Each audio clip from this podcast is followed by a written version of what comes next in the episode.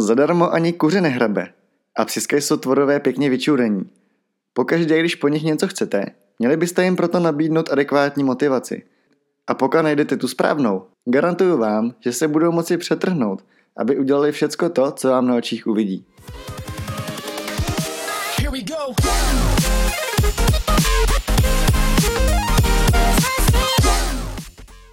Čau, vítám vás u dalšího dílu podcastu a dneska si budeme povídat o tom, jak správně motivovat psa. Jsou totiž aktivity, které dělá sám a s radostí. Ty, které ho baví. Potom jsou ale ty, do kterých ho musíme trošku popostrčit. Psi totiž netuší, že ty překážky na agility cvičáků jsou strašně super, když je vidí poprvé v životě. Neví, proč by je měl vlastně vůbec překonávat. Proč by měl dělat nějaké triky. Ale pokud mu najdete vhodnou motivaci, bude se moci přetrhnout. Ve výsledku je to všechno hrozně jednoduché. Vždycky, když psa něco učíte, je to o tom, jakou motivaci mu nabídnete. A pak už záleží na tom, jestli je ta motivace dostatečně silná, aby psovi stálo za to vás poslechnout, anebo jestli se na vás vyprdne a půjde třeba lovit myši. Moje jméno je Radek Vandra, jsem marketák a fotograf, co má dvě úžasné borderky, se kterými hrozně rád cestuju a poznávám svět. A právě o cestování se psem píšu blog greenmind.cz. O některých tématech se ale lépe mluví, než píše. A tak jsem se rozhodl spustit i podcast, který právě posloucháte. Tak jde na to. Hnedka na začátek vám povím dvě modelové situace, které vám pomohou pochopit zbytek podcastu. Je to příběh, který napsal ve své knížce František Šusta. Ta knížka se jmenuje Trénink je rozhovor a všem vám ji vřele doporučuji. Věnuje se hodně psychologii tréninku psa a je doplněna spousty praktickými přirovnáními. Představte si, že jste se psem někde na louce, on si čuchá a vy ho chcete přivolat k sobě. Jenže pes nemá o vaší odměnu zájem. Tahle motivace pro něj není dostatečně silná, aby se mu vyplatilo k vám přijít. Plno lidí v téhle chvíli zareaguje špatně a to tak, že psa odvlečou pryč. Prostě čapnou vodítko, odtáhnou ho a případně ho někteří nechají do dalšího tréninku i vyhladovět, protože si myslí, že potom o ty pamlsky bude mít větší zájem. Teď si to ale představte v trošku jiném uhlu, když byste na místě psa byli vy. Jdete do obchodu s botama a prodavač vám zastoupí cestu se salámem v ruce. Vy ho nechcete, tak pokračujete do obuvnictví, ale najednou vás ten prodavač čapne, odvleče vás do místnosti a tam vás nechá vyhladovět. Koupíte si ten salám potom? A.k.a. vezmete si ten pamlsek jako pes?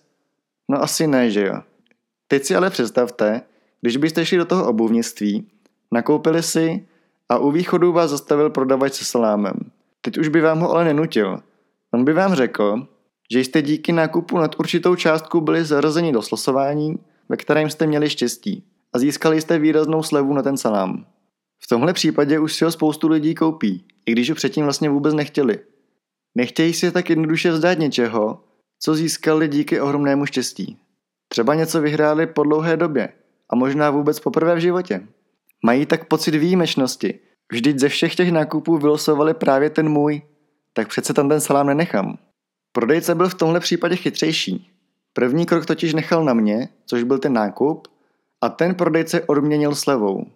Když to převedeme zpátky na psa na louce, pokud byste chtěli, aby k vám přišel a nechali na něm první krok, což může být opravdu malinký krůček, jenom to, že pes zvedne hlavu od země, kde čucha, to odměníte.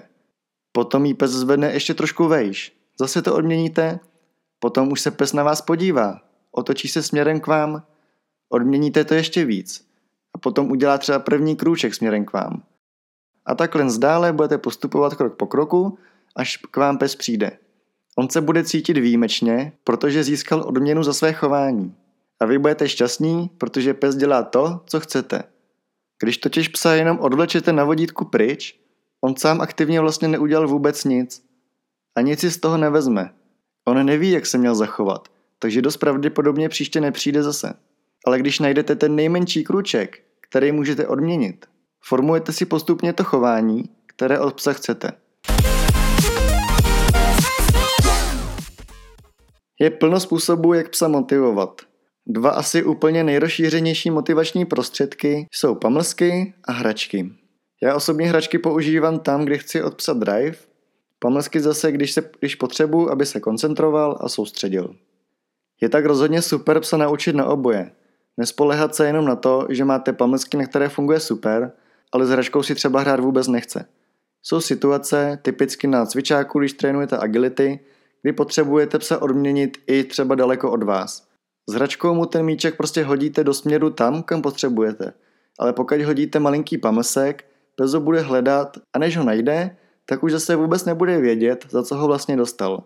A tímto chování už neformujete. Pamlsku je celá řada. Můžou to být obyčejné malé granulky, různé tyčinky, a nebo třeba trošičku lepší pamlsky, což můžou být kousky salámu, síra, kousky masa a v podstatě všechno, co má pes rád. Brzy přijdete na to, co vašemu psovi opravdu chutná a co je pro něj to nejlepší. Když si pak dáte například do ruky piškot a párek, tak ve většině případů si pes vybere párek. A s tím je taky super pracovat. Pamlsky totiž mají pro psa různou hodnotu. Pokud tak cvičíte něco, co už pes takřka umí a odměňujete ho často, určitě mu nedávejte to nejlepší. Začněte vždycky s pamlskami nižší hodnoty, což může být typicky ten piškot, nebo takové ty běžné pamlsky, co se prodávají ve Zverimexu.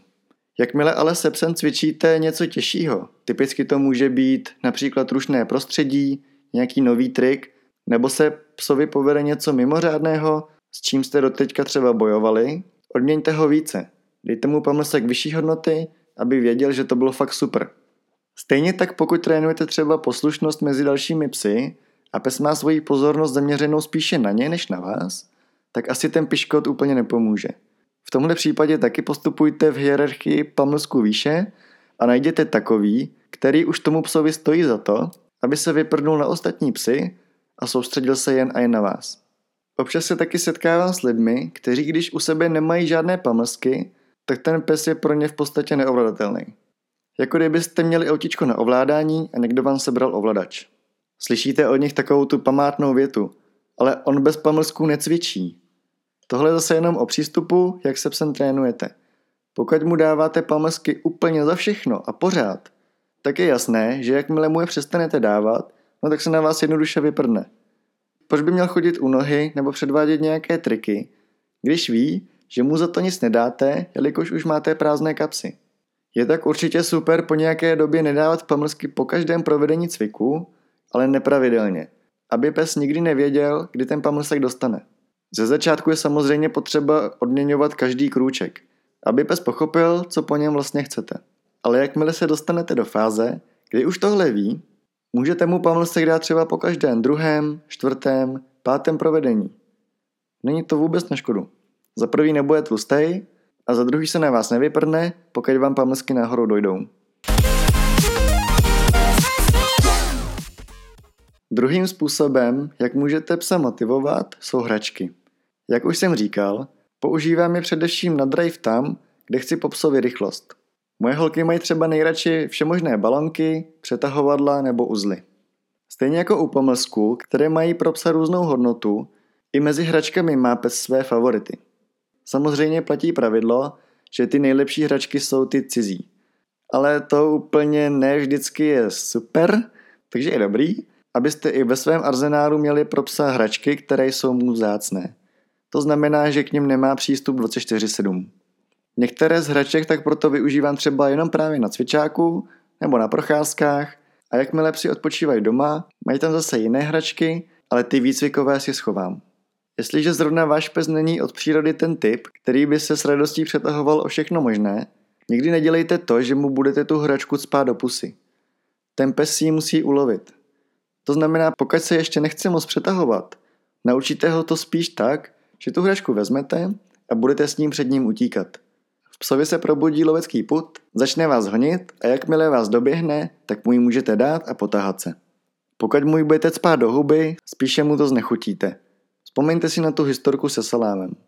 Kromě pamlsků a hraček je strašně důležitý i váš projev. V tomhle mají trošku výhodu holky, protože umí takovej ten pišťák. Spoustu lidí, a hlavně ty, kteří mají svého prvního psa, tak se na začátku bojí projevit na veřejnosti své emoce. Když se psovi něco povede, nebojte se ze sebe dělat kašpara. Jo, možná si budete připadat divně, ale ten pes to miluje. Čím víc kolem něj budete skákat, vřískat, radovat se, tím větší radost z toho bude mít i ten pes A tahle emoce se přenese právě i na ten cvik, který tomu předcházel. Bude na to mít prostě super vzpomínky, protože přitom byla sranda a paníček měl radost. Motivací může být ale třeba i jenom samotné pohlazení, pochválení psa. V agility je třeba pro většinu psů odměnou už i jen to, že můžou pokračovat v parkouru. Na to je potřeba myslet, protože pokud udělá pes chybu, například, že skočí zónu a vy pokračujete, tak mu to chování upevňujete, protože ten pes se odměnil tím, že mohl pokračovat dál a skákat další překážky. Neuzavřete si tak jenom do prostoru hraček a pamlsků, protože těch motivací pro pse je opravdu strašně moc a hlavně každý pes je originál. Takže to, co bude fungovat na Alíka od souseda, tak nemusí fungovat na vašeho fíka. Vždycky jde o to, abyste našli tu nejvhodnější a nejatraktivnější motivaci právě pro toho vašeho chlupáče. A ještě taková poznámka počarou. Pokud pes dělá něco, co nechcete, aby dělal, a ta intenzita provádění se nezmírňuje, to znamená pes pořád minimálně stejně často, tak vždycky je nějakým způsobem někde odměňován. A pokud vy najdete tu jeho odměnu, proč to vlastně dělá, můžete tomu hrozně snadno předcházet i bez použití jakýchkoliv trestů. Možností, jak motivovat svého psa je opravdu strašně moc. Teď si pojďme říct ještě pár slov tréninku. Když se psovi nechce, zkuste lepší odměnu. Třeba psovi v dobré víře nabízíte odměnu, kterou si myslíte, že on miluje, ale třeba to pro něj právě jenom obyčejný piškot. Zkuste najít něco jiného. Pokud ale dojdete až k těm nejlepším odměnám, psovi se stále nechce, myslete na to, že psi jsou stále jen zvířata. Nejsou to roboti. I oni můžou mít špatný den, kdy se jim prostě opravdu nechce. Může třeba i něco bolet, může jim být špatně. Nedrťte je tak na tréninku za každou cenu. Občas můžete psa překvapit i tím, že mu dáte takzvaný jackpot. Když splní nějaký relativně jednoduchý úkol, místo jednoho pamlsku mu dejte celou hrst a uvidíte, co to s ním udělá. Podobně jako když gambler vyhraje v hracích automatech, tak i pes bude chtít pokračovat dál a dál. Může ho to i nakopnout. Pokud jste se například na nějakém kroku zasekli, nemůžete se z místa a najednou se to psovi povede, vy mu dáte jackpot. Rázem se ze psa, kterého už to pomalu všecko začínalo nudit, stane natěšený gambler, který chce prostě pokračovat dál a dál a učit se a učit se a chce další pamlsky. Občas se setkávám i se psy, kteří nad pamlsky ofrňují nos a půl hodiny se vždycky rozmýšlejí, jestli si ho jako vůbec mají vzít, nebo jestli ne. Na to je docela jednoduchá pomůcka. Jmenuje se to princip krátké příležitosti a jde o to, že pes má pár vteřin, například pět, aby si vzal tu odměnu. Pokud si ji nevezme, smula, ale je to jenom jeho škoda, protože přišel o odměnu, kterou si zasloužil. Funguje to na podobném principu, jako když v teleshoppingu slýcháváte, pokud zavoláte do dvou hodin od této reklamy, získáváte ještě jeden mob zdarma. Je to prostě nabídka, která je časově omezená. Chceš, nechceš, ber, neber. Další podstatnou věcí je i to, abyste v rámci tréninku střídali odměny. Vás by totiž asi taky nebavilo jíst každý den k obědu svíčkovou. Vyhněte se stereotypu. Nejhorší je, když pes ví, kdy přijde odměna a jaká přijde odměna. Pokud to pro něj ale bude překvápko, nikdy nespadnete do stereotypu a pes si neřekne, jo, tak za sedni dostanu jenom piškot, na tomu kašlu. Ale bude se snažit, protože ví, že i za to sedni může přijít kus masa. Časem se vám může stát jedna věc, kdy dojde k přenosu hodnoty odměny. Vysvětlím vám to zase na agility. Na začátku, když přijdete se psem na cvičák, tak překážky jsou pro něj něco jako stromy v lese. Prostě tam jsou, ale neví, co se tam má dělat, proč se to tam má dělat a jak se to tam má dělat.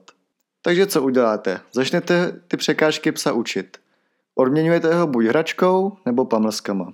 A tím, jak používáte pamlsky různých hodnot, najednou se ty překážky pro něj stávají super.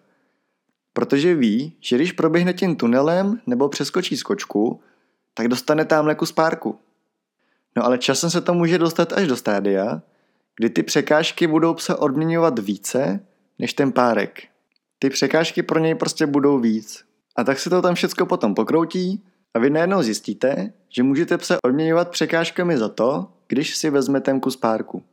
Takže úplně obráceně. A říkáte si, ale proč bych to sakra dělal? No jasně. Ale vente si třeba to, že jakmile pes bude mít agility fakt rád, bude to milovat, Tak jakmile se budete blížit ke cvičáku, pes zjistí, kde je a už vás potáhne na vodítku směrem k překážkám. Tady ale můžete využít ten párek. Pokud budete trvat na tom, aby šel pes klidně na prověšeném vodítku a netahal, potom za tomu dáte ten párek a pes ví, že když tohle splní, tak potom dostane tu odměnu v podobě toho, že ho vypustíte a bude moct skákat přes překážky. Ať už trénujete cokoliv, kdykoliv a kdekoliv, vždycky by mělo platit to, že vy jako pán jste pro psa středobod vesmíru. Jakmile to tak neplatí, tak se na vás pes v nějaké situaci vyprdne a vy ho budete nahánět. K motivaci patří i to, jak často a jak dlouho se svým psem trénujete. Nesmíte ho totiž unudit. Vzpomeňte si například na dvouhodinovky dějepisu na základní škole, kdy jste usínali na lavici. A pokud to poslouchá nějaký milovník historie, tak se mu omlouvám. Ale já jsem prostě usínal. Chci tím ale říct to, že jakmile budete, se jakmile budete psat drtit nějaký cvik třeba hodinu v kuse, tak je to úplně, ale úplně k ničemu. Ten pes nejenže ztratí pozornost, ale začne se nudit, ve výsledku začne chybovat a vy vlastně nebudete mít co odměňovat a skončíte tak, že vlastně ani jeden nevíte, co chcete. Proto je lepší se psem trénovat raději víckrát denně, ale třeba jenom po minutě. Jakmile budete mít volnou chviličku, vezmi, vezměte si pár pamlsků do ruky nebo hračku a procvičte se psem něco, co s ním právě trénujete. Je to fakt otázka pár chvilek. Nepotřebujete si na to vyhrazovat celé odpoledne. Znáte kliker? To je taková ta malá krabička s plechovým plíškem uvnitř, která po zmáčknutí klikne. Proto se to jmenuje taky kliker. Možná jste to už i u nějakého pěskaře viděli. Já osobně to mám strašně rád, protože je to způsob, jak psovi co nejpřesněji označit dané chování, které je dobré. Funguje to na tom principu, že vy si psa nejdřív takzvaně naklikáte, to znamená, že vždycky kliknete, dáte mu pomlsek. Kliknete, dáte mu zase pomlsek. Takhle budete postupovat pár dní, vždycky po chvilkách, až do té chvíle, kdy si pes spojí ten zvuk kliknutí s tím, že přijde pomlsek. No a pak už to můžete využívat při tréninku. Když se vrátím úplně na začátek, jak jsem vám povídal o tom, že jste se psem na louce a chcete, aby k vám přišel. A jak ho nemáte tahat na vodítku pryč, ale odměňovat ty mikropohyby, které vedou k tomu správnému chování. To znamená, když chcete, aby k vám přišel, tak nejdříve odměníte za to, že třeba zvedl hlavu od země, kde čuchal myšky, tak je velmi těžké mu označit přesně ten moment, který je vlastně správný a který vy chcete, aby pes opakoval. A k tomuhle slouží právě kliker. Kliker totiž vydává vždycky stejný zvuk, na rozdíl od vašeho chválení. Protože jakmile přijdete třeba naštvaní nebo nervózní z práce, tak i když se budete snažit se pochválit sebe víc, vždycky to na tom hlasu bude trošku znát. Vždycky ta pochvala bude vypadat malinko jinak. A hlavně, než vy řeknete, Alíku, ty jsi hodný pejsek, tak ten pohyb, ten mikropohyb už bude dávno fuč a vy tak můžete odměnit u psa úplně jiné chování, než jste odměnit chtěli. Proto jednoduše kliknu a pokud to, tref, to načasování trefím dobře, tak mám jistotu, že jsem označil přesně to, co odměnit chci. Jakmile pes za něco dostane odměnu, tak to chování bude mít tendenci opakovat. A to je vlastně princip celého učení. Vy označíte psovi něco, co je správně, odměníte ho a pes ve snaze, aby získal další odměnu, tak se bude snažit to chování zopakovat. Ještě jednou se vrátím k tomu načasování. To je opravdu alfa a omega. Dávejte si na to pozor a jakmile si nebudete jistí, že dokážete přesně označit ten moment, raději ho neoznačujte vůbec. Jo, je lepší to nechat prostě bejt, než označit něco špatně. Pes potom může být zmatený a vy si budete divit, proč najednou ten trik neumí, nebo proč ta tréninková stopa se vyvíjí úplně někam jinam, než jste chtěli. Opravdu každý detail v tomhle ohledu hraje roli. Ještě si na závěr okrajově zmíním o trestech. Tohle je bohužel věc, která hlavně u neskušených lidí asi ještě hodně dlouho nevymizí. Pokud se totiž budou i nadále štyňata plácat novinama po zadku a máchat jen čumák v loužičce, pokud se jako malá vyčurají doma, bude to v tomhle ohledu pořád stejný. Když se ale zamyslíte nad tím, jak vlastně celý princip učení se novým věcem funguje, zjistíte, že trestáním pes nikdy nemá šanci přijít na to, co je vlastně správně, jak to má udělat. Trest totiž to chování netvoří, ale jenom zastavuje. A pokud chci psovi vysvětlit, jak se chovat nemá, musím ho nejdříve naučit, jak se chovat má. A hlavně pokud se vrátím o pár chvílek zpět, dostaneme se k načasování. Stejně jako u odměn, načasování funguje i u trestů. A bohužel většina trestů přichází pozdě.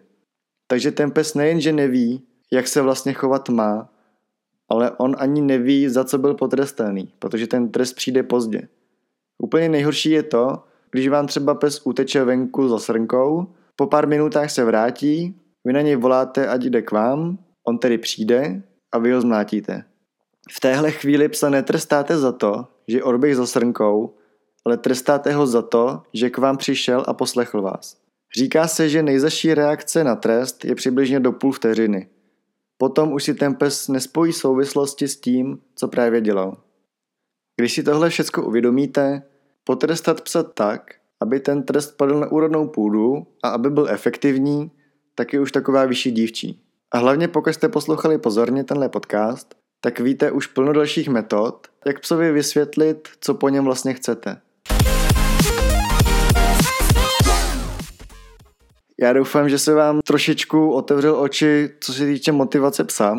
Že to není jenom o tom, že borderky tím, jak jsou nejinteligentnější plemeno, tak v podstatě dva dny po narození sami netancujou, jako jste to viděli v televizi.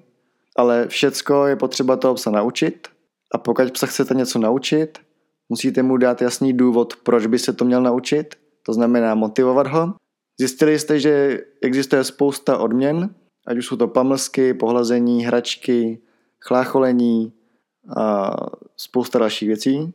Zjistili jste i to, že není pamlsek jako pamlsek, stejně tak, že není hračka jako hračka, ale je potřeba pracovat s tím, že každá ta hračka nebo ten pamlsek má pro psa určitou hodnotu a pokud chceme po psovi něco jednoduchého, nebudeme mu dávat ten nejvzácnější pamlsek a naopak pokud po psovi chceme nějaký těžký cvik v rušném prostředí mezi dalšími psy, určitě ho jako neskušeného psa nebudeme v začátcích chládovat piškoty, na které se vám s největší pravděpodobností vykašle.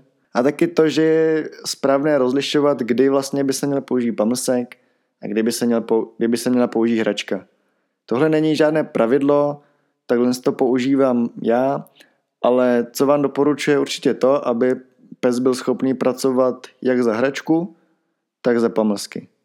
Jsou prostě situace, kdy je jedna či druhá varianta lepší a neříkám, že to nejde jenom s jednou variantou, ale vždycky je lepší, když máte víc možností a zvolit si tu, která pasuje na danou situaci úplně nejlíp. Pokud jste doposlouchali až sem, patří vám obrovský dík Budu rád za jakoukoliv zpětnou vazbu, díky které se budu moci naučit zase něco dalšího a posunu tak celý projekt zase o kus dál. Máte nápad na téma, které byste ode mě rádi slyšeli? Napište mi. Najdete mě buď na webu greenmind.cz nebo na Instagramu pod stejným jménem. A pokud byste ještě neměli dost, můžete si pustit další díly podcastu nebo se začíst do některého ze článků na blogu. A jestli mě ještě nesledujete na Instagramu, teď je ta pravá chvíle to napravit. Tak zase příště. Ahoj! Walk by. Uh,